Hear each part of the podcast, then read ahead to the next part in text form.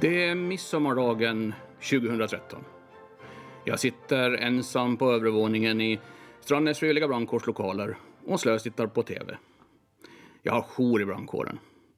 Igår på midsommarafton träffades alla vi som hade jour. Vi åt middag och hade trevligt tillsammans. Men ikväll, ikväll sitter jag ensam framför TVn. Tankarna börjar flyga iväg. Tankar om varför jag sitter här ensam. Tankar om varför inte jag, som alla andra, har någon riktigt nära att dela kvällen med. Tankar och frågor som ställts många, många gånger utan att få något egentligt svar. Men som ikväll kommer att få ett ärligt svar. Ett ärligt svar för första gången på 38 år.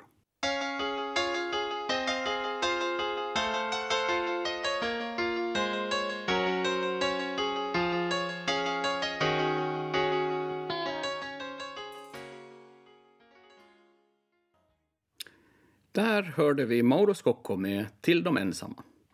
Och du lyssnar på Ålands Radio med mig, Johan En, som idag under cirka 90 minuter kommer att sommarprata om förändring, rädsla och mod. Jag inledde mitt program med en eh, tillbakablick till sommaren 2013. Ett år som på många sätt kom att betyda stor förändring i mitt liv. Det var också då jag hade förmånen att sommarprata här i Ålands Radio för första gången. Jag gjorde en tillbakablick på mitt eh, då 38-åriga liv. Men modet att berätta allt, det saknades då. Jag behövde ännu jobba med mig själv, hitta med vem jag egentligen var och framför allt behövde jag tid för att känna trygghet i såväl mig själv som med världen runt omkring mig. Visst är det spännande med förändring. Ni vet den där känslan pirret, värmen, nervositeten som känns precis just innan man tar steget. Fattar beslutet, öppnar munnen och börjar prata eller trycker på sändknappen. För min del både älskar jag och hatar jag den känslan. Jag är nog i grunden beroende av förändring och min erfarenhet är att eh, det aldrig, oberoende var man befinner sig i livet, är för sent att ändra sig.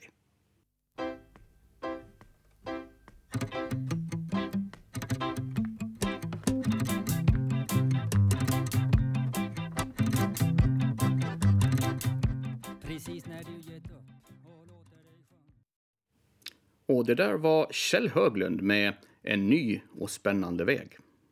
Ni lyssnar på Ålands Radio och mig Johan En som är er sommarpratare idag. Jag pratar om förändring och vi återvänder nu till midsommardagen 2013. Vad var det egentligen som hände där undrar kanske någon av er. Jo, just där och just då, sittande i en fåtölj, slötittande på TV. Just då stod det klart för mig. Orsaken till att jag satt där ensam. Orsaken till att jag ännu inte 38 år gammal hade hittat någon att dela mitt liv med var att jag hade haft helt fel preferenser i mitt sökande. Det var ju faktiskt inte en tjej jag sökte, utan en trevlig kille att dela mitt liv med. Just där och just då såg jag det så oerhört klart. För första gången vågade jag uttala det för mig själv. Jag gillar killar. Jag var gay, jag var bög. Känslan är svår att eh, beskriva. Dels var jag lättad. Dels var jag rädd. Rädd för vad det här skulle betyda. Dels var jag nyfiken, för det här kunde ju vara början på någonting riktigt bra.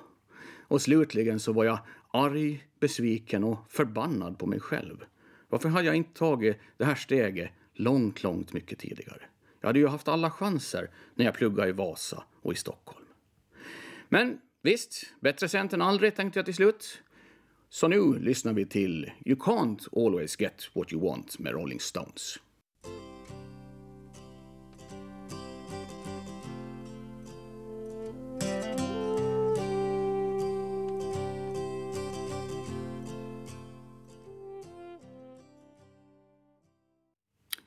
I radions presentation av mig inför det här sommarpratet så beskriver man mig som avstigande politiker. I snart 16 år har jag jobbat med politik 24-7, i princip 365 dagar per år. Det har varit 16 mycket spännande och givande år. Allt började de facto långt mycket tidigare än så. Redan under högstadietiden insåg jag att engagemang och modet att våga ta plats och uttrycka sin åsikt ledde till att man kunde nå resultat och förändring. Under åren i Strandnäs högstadieskola försökte jag skapa mig en identitet som jag kunde trivas med. Detta efter en lågstadietid där jag var rädd och osäker och som innehöll rätt mycket mobbing.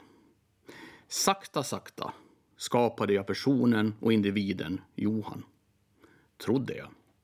Men fortsättningsvis, ska det visa sig, lämnade jag en stor del helt outvecklad för att jag inte vågade annat. I högstadiet hände mycket i en ung människas liv. I högstadiet formar man sig själv och sin identitet. Man mognar såväl kroppsligt som mentalt och blir den person som ska gå vidare ut i vuxenlivet. När det gäller känslor och kärlek till någon annan, någon som man ville dela sitt liv med, kom jag dock inte ända fram. Ja, jag kom faktiskt ingenstans. Jag såg mina vänner runt omkring mig hitta närhet och kärlek, men själv gjorde jag det inte. Mitt försök till förklaring var så här, när man tittar på det i backspegeln, minst sagt lite märklig. Jag skyllde på att jag var blyg, att jag hade så mycket annat som jag prioriterade. Det var skolan, betygen, brandkåren, elevrådet, schackspelandet, vänner med mera, med mera. Och det känns verkligen märkligt att titta tillbaka på allt detta idag. För tiden i högstadiet upplevde jag ju de facto som en otroligt ljus och positiv tid. Jag trivdes och var verkligen nöjd med min tillvaro.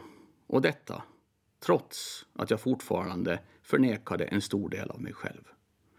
Då och under en lång tid därefter såg jag nog inte det här som någonting märkligt. Idag måste jag nog säga att jag tycker att det verkligen är en aning märkligt.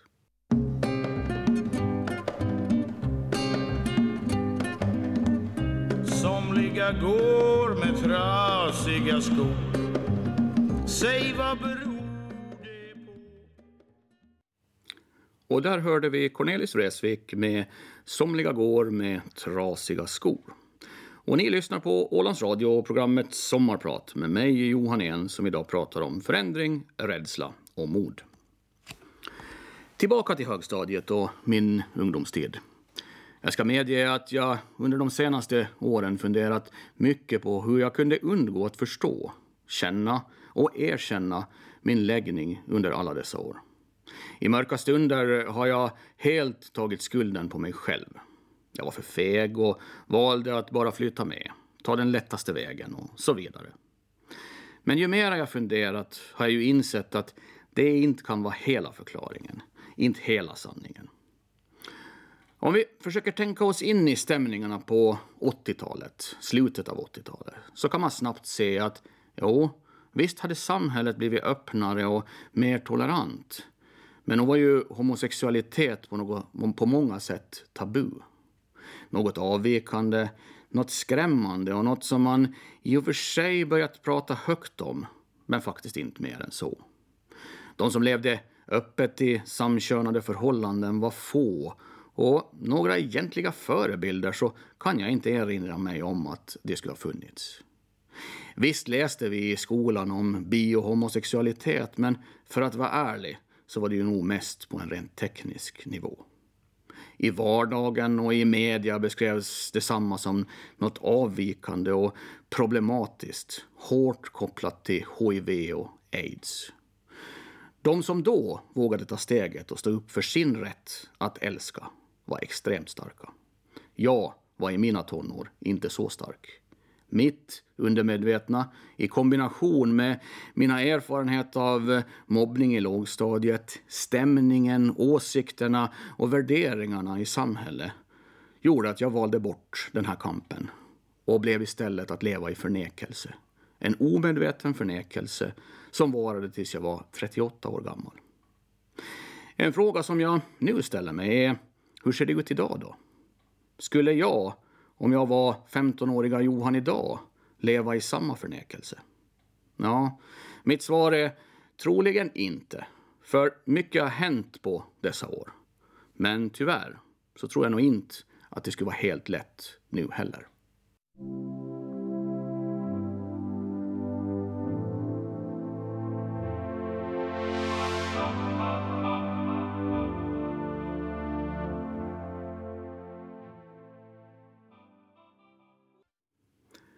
Det var Alphaville med Forever Young. Som känt är så har jag bestämt mig för att lämna politiken på heltid efter 16 år nu till hösten. Det har varit 16 fantastiska år där jag har fått vara med om, uppleva, påverka och skapa alldeles fantastiska saker. Det har också varit 16 år av hårt slit, en hel del bråk och ett liv där politiken på gott och ont funnits med mig 24-7, 365 dagar per år. Ja, ni får inte missförstå mig nu. Jag vill inte på något sätt beklaga mig för jag har ju faktiskt valt det här spåret själv. Och som jag sa tidigare, politiken har också gett mig så oerhört mycket. Samtidigt så har politiken förändrats rejält under de här senaste åren och jag har då blivit att fundera på att eh, vad är det som har hänt med debatten? Jag tycker att den har hårdnat och åsikterna de har polariserats.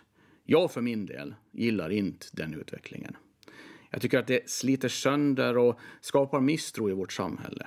Olika åsikter är viktigt och är i grunden någonting som behövs för att vi framgångsrikt ska kunna bygga ett samhälle. Men för att det ska kunna ske, då krävs ömsesidig respekt. Något som jag känner att allt för ofta idag saknas, men som jag hoppas att vi ska lyckas få tillbaka. För mig har det handlat om att eh, själv alltid försöka göra mitt bästa. Att jobba öppet och ärligt. Många gånger har mitt sätt att jobba tagit lång tid. Jag har blivit lurad och känt mig besviken. Men eh, i slutändan har det nästan alltid varit en väg som jag känner att har gett, vad jag kan se, det bästa långsiktiga resultatet. Och framför allt så kan jag faktiskt fortsättningsvis se mig själv i spegeln och både acceptera och känna en viss stolthet över det jag ser. 16 år är en lång tid. Det är nästan en tredjedel av mitt liv så här långt. Under de senaste åren har jag funderat på att för en tid göra någonting annat. Så här under påsken så var jag på ett, en sparresa till Grisslehamn. Och när jag låg där i en varm och skön pool och tittade ut över ett spegelblankt Ålands hav och sippade på ett glas bubbel. Ja, då stod det klart för mig. Nästan lika klart som den där midsommardagen 2013 som jag tidigare berättade om. Att nu, nu var det dags för förändring. För mitt eget bästa. Men också för att jag ska kunna fortsätta att göra ett jobb som jag kan stå upp för och vara stolt över. Vad jag ska göra? Ja, det återstår nog ännu att se. Under det senaste året så har jag återvänt till det som jag kan betrakta som min första riktiga arbetsplats, Alarmcentralen här på Åland. Där har jag jobbat som projektledare och chef på deltid. Det har känts intressant, inspirerande och givande. Så ges möjligheten kanske jag blir kvar där på heltid. Men huruvida det är möjligt, det vet jag inte för tillfället.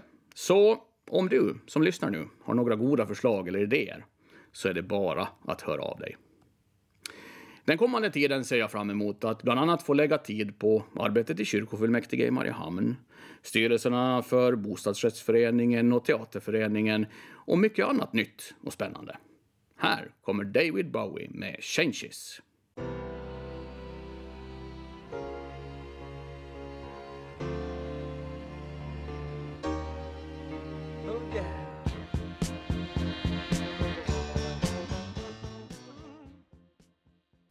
Du lyssnar på Ålands Radio och programmet Sommarprat 2019 med mig, Johan En, som dagens värd. Tillbaka till midsommardagen 2013. Dagen då jag äntligen hittade mig själv. Resan stoppar ju inte där, utan tvärtom började den just där och just då. Det kändes lite som jag hade stått på en känslo och kärlekshållplats sen högstadietiden. Tankarna som rullade runt i huvudet var många. Vad betydde det för mig som politiker? Skulle jag kunna fortsätta? Vad skulle familj och vänner säga? Ska jag bli ensam nu? Hur skulle brandkåren, ungdomarna i ungdomsavdelningen och deras föräldrar reagera? Jag var rädd, men ändå fast besluten att den resa som jag nu börjat, den tänkte jag också avsluta, oberoende vart den skulle bära mig. Det fanns nämligen ingen återvändo som jag såg det. Det här, det här var ju jag. Bland det första jag gjorde när jag kommit ut för mig själv var att registrera mig, och då naturligtvis anonymt eftersom jag var rädd och orolig, på några datingsajter för killar som gillar killar. Det var en helt ny värld som öppnade sig för mig. Jag fick diskutera med killar som var eller hade varit i samma situation som mig. Det var skönt och gav kraft. Jag var inte ensam. Och det bästa av allt, jag tillät mig och kände känslor jag aldrig tidigare hade tillåtit mig att känna. Jag inbillar mig lite att det var som att bli tonåring igen. Tonåring vid 38 års ålder. Senare under året åkte jag till Stockholm på min första riktiga dejt. 38 år gammal.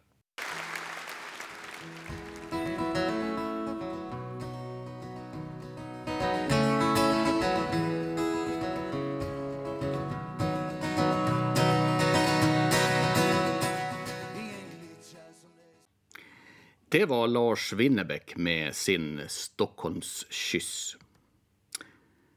Ja, stärkt av känslan av lättnad så börjar jag steg för steg att trotsa rädslan. Jag börjar berätta för mina vänner, en efter en. De jag kände bäst först. Här hade jag också stor hjälp i att eh, det visade sig att några av de här vännerna själva var inne i liknande resor i sina liv. Så här lite som en spaning så kan det tyckas en smula överraskande att vi var flera i samma kompisgäng, om än i olika åldrar och skeenden av livet, som tampades med den här frågan samtidigt, utan att veta om varandra egentligen. Nåja, vartefter jag berättade konstaterar jag att eh, jag möttes nästan undantagsvis av glädje, ryggdunkar, kramar och lyckönskningar.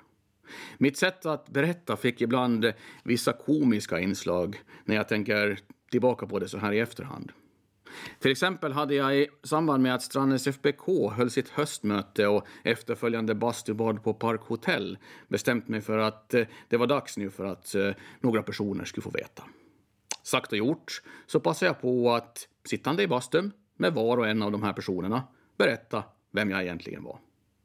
Jag har i efterhand tänkt att nog inte många som likt Patte, Ted och Mansnerus fått ta emot liknande nyheter, sittande i en bastu och därefter lugnt, som till exempel Mansnerus gjorde, konstatera ja men nog är det väl fan att frun skulle få rätt igen.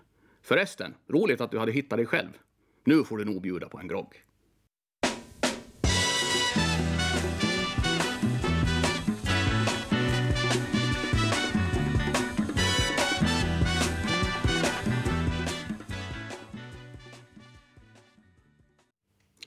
Det var Move On Up med Curtis Mayfield.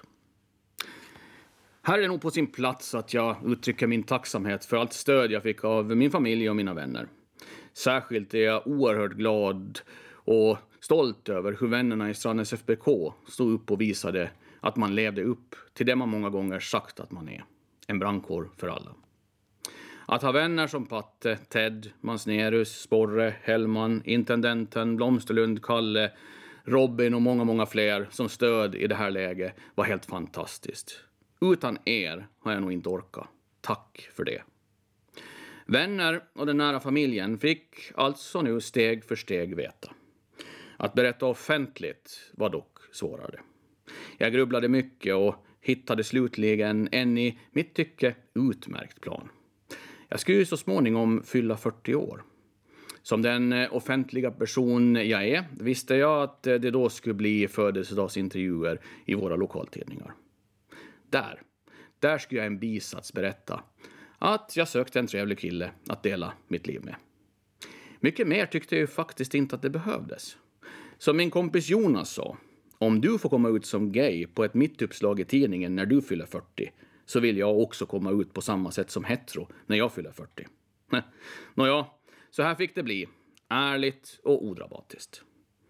Samtidigt hade jag insett att jag, utöver de här diskussionerna som jag hade med mina vänner, nog behövde prata med någon som var professionellt duktig på att lyssna, ge råd och vägleda i svåra situationer.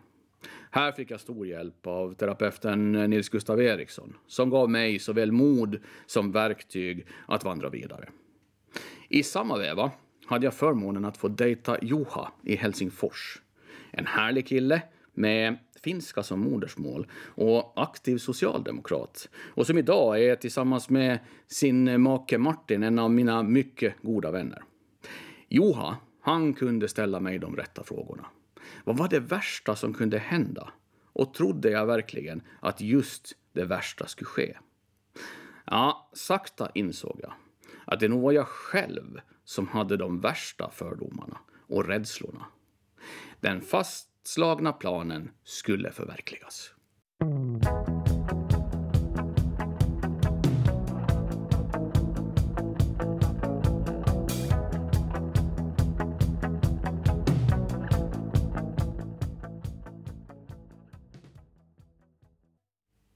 Det var Håkan Hellström med Du kan gå din egen väg. Att ta hand om min kropp, ja, det har aldrig varit min starka grej. Från det jag var liten har jag alltid haft några extra kilon och med åren har kilona blivit fler och fler. Jag älskar trerättersmiddagar, röckakorv, ostbågar, godis och mammas bullar och kakor. Ja, jag vet ju mycket väl vad överkonsumtion och lathet får för konsekvenser. Jo, man blir rund. I mitt fall särskilt rund runt magen. Jag vet också att min, ska vi kalla det, aversion mot träning leder till att eh, min kondition blir usel och dessutom att jag lätt får överbelastningsskador eftersom jag också har mycket överrörliga leder och därför borde träna och stärka mina muskler än mer. För cirka tio år sedan gjorde jag ett ryck och ändrade mina kostvanor dramatiskt. På cirka sex månader tog jag bort 27 kilo i vikt. Tyvärr var min metod inte den mest långsiktiga. Hållbar viktnedgång kräver en eh, genomgående förändring av livsstilen. Den här läxan med en genomgående livsstilsförändring hade jag inte gjort utan återgick stegvis till mina gamla dåliga vanor. Viktuppgång var därmed ett faktum och efter en tid var jag nästan tillbaka till vad jag vägde från början. Kampen fick börja om igen. Av olika orsaker så träffade jag då bland annat Mysan Sundqvist som tillsammans med en annan vän till mig, Annette Lindberg, och några andra härliga människor i det så kallade motionspartiet började peppa mig att träna och leva hälsosammare. Men tyvärr så gick och går det inte något vidare. Jag hittar ständigt bortförklaringar till träningar. En mycket tydlig påminnelse om hur viktigt det här är med träning, det fick jag på midsommarafton i år.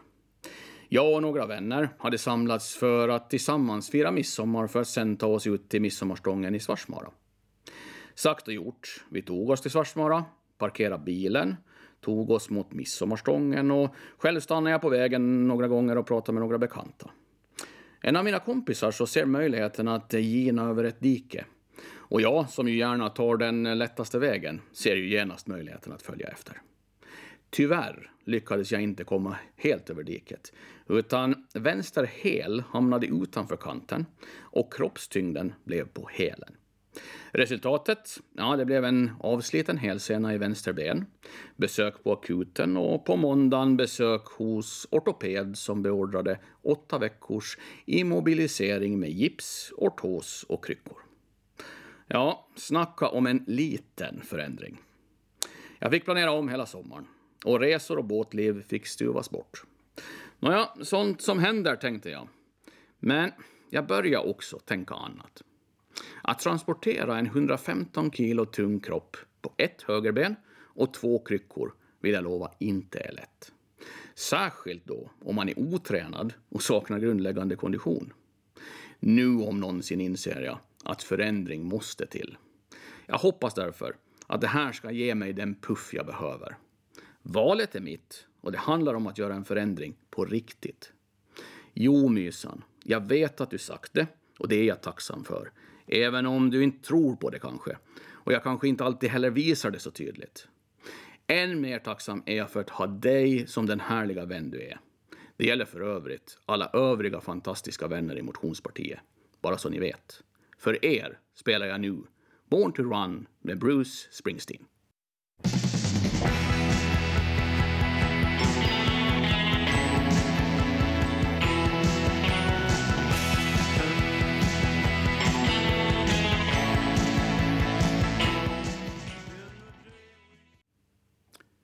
Under eh, hösten 2017 fick jag vara med om början på en dramatisk förändring. En ofrivillig, ofrånkomlig och smärtsam förändring av livet.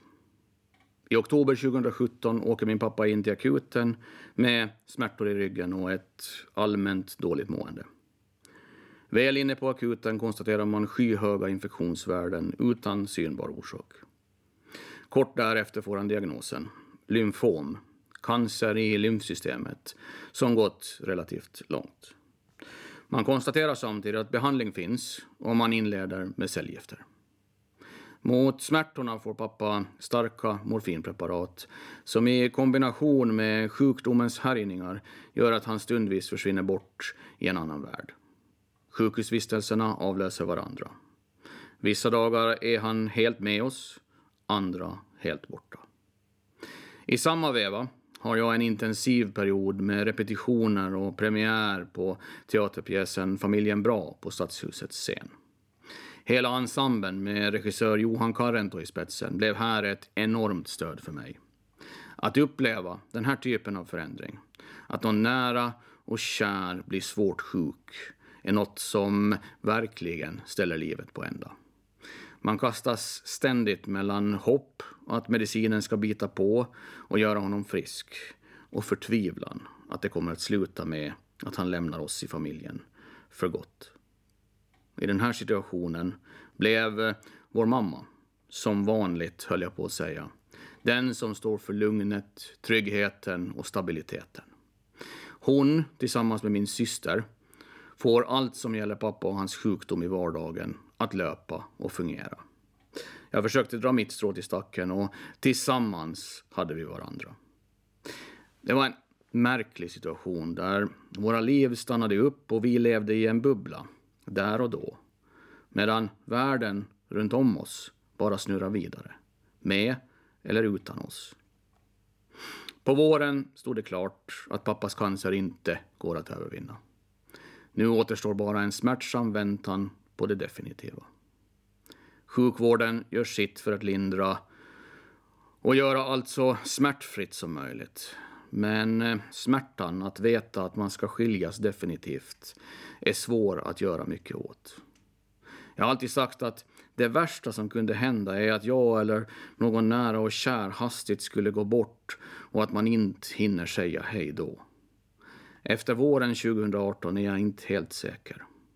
Den långvariga väntan på det oundvikliga i ett läge där fler ord inte finns och möjligheten att utan fysisk och psykisk smärta uppleva positiva saker saknas, ja, den känslan den var vidrig. På morgonen den 20 maj, efter många dagars och nätters gemensamt vakande, somnade pappa så slutligen in. Känslan som inföll sig efter det är svår att beskriva. Det är å ena sidan lättnad, Å andra sidan smärta, förtvivlan, rädsla, men också lugn på en och samma gång. Döden sätter å ena sidan punkt, punkt för en del av livet, men samtidigt går livet vidare. Ja, det måste gå vidare. Tillsammans har nu vår familj gått vidare. Livet fortsätter inte på samma sätt som tidigare, utan annorlunda. Och ja, det fortsätter. Jag spelar nu Evert Taubes Fritjof och Carmencita som alltid kommer att påminna mig om dig, pappa.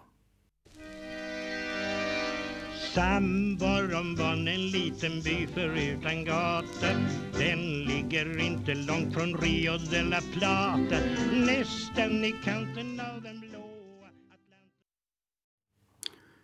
Nu återvänder vi till sommaren 2015. I juli det året ska jag fylla 40 år. Som ni minns hade jag en tydlig plan. I samband med födelsedagsintervjuer i lokaltidningarna, då skulle jag komma ut. Enkelt och smidigt. Modet var hämtat, stöd fanns i familjen och bland vännerna. Jag var redo. I slutet av juni bokade jag in intervjuerna med bägge tidningars familjesidor. Det kändes nervöst, men OK. Jag gjorde den första intervjun en förmiddag i början på veckan. Jag berättade att jag hade ett budskap jag ville ha in utan ytterligare frågor och kommentarer. vilket jag också upplevde att vi var överens om att så skulle det bli. Jag var jätteglad över intervjun när den var klar. Fokus låg på mig som person, Johan, ministern, brandkåristen med mera. Den jag var, den jag är, inte på min sexuella läggning. Intervjun skulle publiceras på måndagen efter. Jag trodde med det här att eh, jag skulle vara med om att avdramatisera sexuell läggning utan att för den skull vara hemlig och dölja något. Men tyvärr blev det inte så. Ungefär 30 minuter efter att intervjun var gjord fick jag ett samtal från chefredaktören som konstaterade att jag idag släppte en stor nyhet. Jag konstaterade att det höll jag inte med om och att jag dessutom upplevde att vi hade en överenskommelse. Svaret blev att om en offentlig person som jag kom ut som homosexuell så måste jag ju förstå att det var en nyhet. Jag fortsatte att förklara hur jag såg på saken och min önskan om att avdramatisera enskilda människors sexuella läggning, men utan resultat. Ja, jag fick istället ett val. Antingen skulle jag ge en specifik intervju om mitt eh, komma ut, eller så skulle man skriva om det i en artikel följande dag, oberoende. Ja, det var ju för att man då skulle vara först med den så kallade nyheten. Jag fick panik. Det fanns ännu människor i min närhet som jag inte berättat för och som eh, jag absolut ville berätta för öga mot öga och inte via en artikel i tidningen. Bland annat några av mina arbetskamrater, min mormor och farbror och ett antal vänner i brandkåren. Jag bad att eh, få fundera och återkomma. Jag fick 30 minuter. Efter lite diskussion med mina vänner Fredrik och Ville i regeringen, stort tack till er förresten, så ringde jag tillbaka till chefredaktören och meddelade att jag lovade att inte nämna min läggning i födelsedagsintervjun till den andra tidningen. Och att jag kunde ge en kort separat intervju och med det så skulle publiceringen ske först fredag kväll.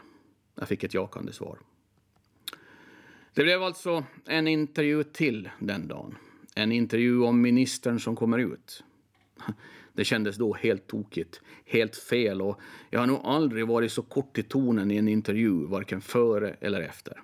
Men jag svarade på alla frågorna, hur märkliga de i grunden än kändes. Senare den veckan gav jag en födelsedagsintervju till den andra tidningen där sexuell läggning inte nämndes med ett ord och därefter förberedde jag mig själv att i helgen vara helt ute ur en unken men trygg garderob.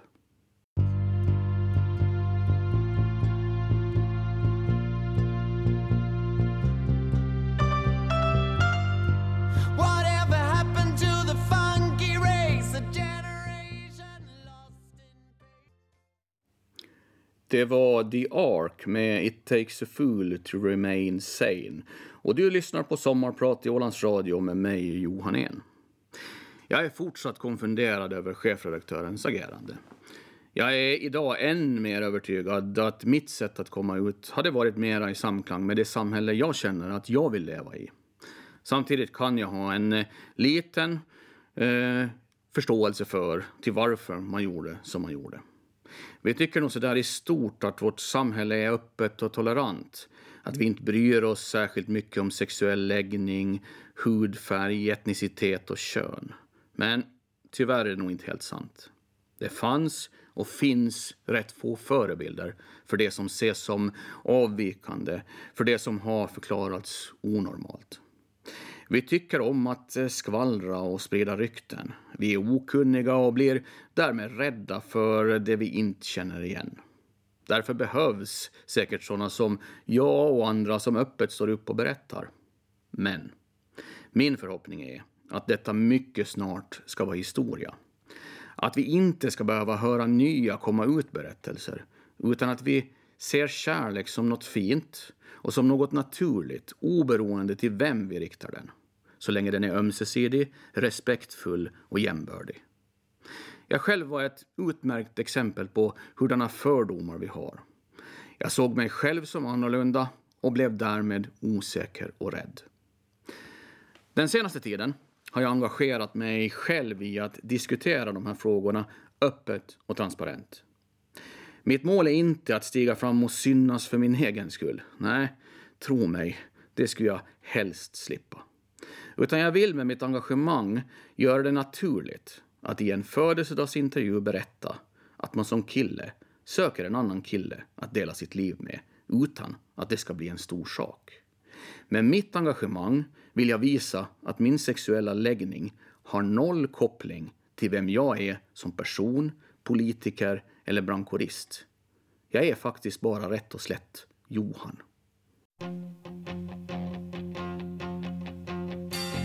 Loving you isn't the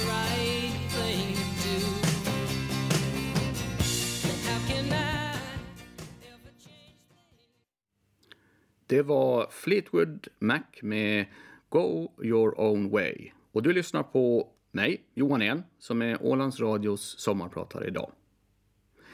Tiden för eh, mitt sommarprat börjar nu närma sig sitt slut. Jag har i mitt program tagit er med på en resa i förändringar i mitt liv. Den resa jag hittills gjort skulle jag på intet sätt vilja vara utan. Såväl det positiva som negativa har stärkt mig och fått mig att utvecklas. Jag hoppas också att vårt samhälle har utvecklats under den här tiden och kommer att utvecklas vidare så att vi som lever i det också stärks och kan fortsätta att utvecklas som människor och som delar av det här samhället. Fick jag ge 15-årige Johan, uppväxande i dagens värld, några ord på vägen skulle det vara våga, lev, ge och ta emot. Samhället idag är otroligt mycket mer öppet och omfamnande. Men ännu krävs att vi slutar dela upp oss i vi och ni. Istället måste vi se styrkan i individer, skillnader och olikheter. Allt startar hos oss själva, men bara tillsammans bygger vi framtiden. Ja, jag går nu vidare med mitt liv. Utan pappa närvarande, med eh, mindre politik, men eh, samtidigt förhoppningsvis med nya intressanta utmaningar, med mer kärlek och med en hälsosammare livsstil. Jag hoppas att ni alla kommer att eh, få en fortsatt härlig sommar, ett fortsatt härligt liv, oavsett vad den och det bär med sig. Du har lyssnat på Sommarprat 2019 i Ålands Radio med mig, Johan En. Innan jag avslutar vill jag särskilt tacka Jonas Hellman och Robin Skog för att jag fick bolla mina tankar i detta sommarprat med er. Det gav mig mycket. Till er som lyssnar säger jag, vi ses i vimlet. Ta hand om varandra. Vi avslutar med Pride in the name of love med Youtube.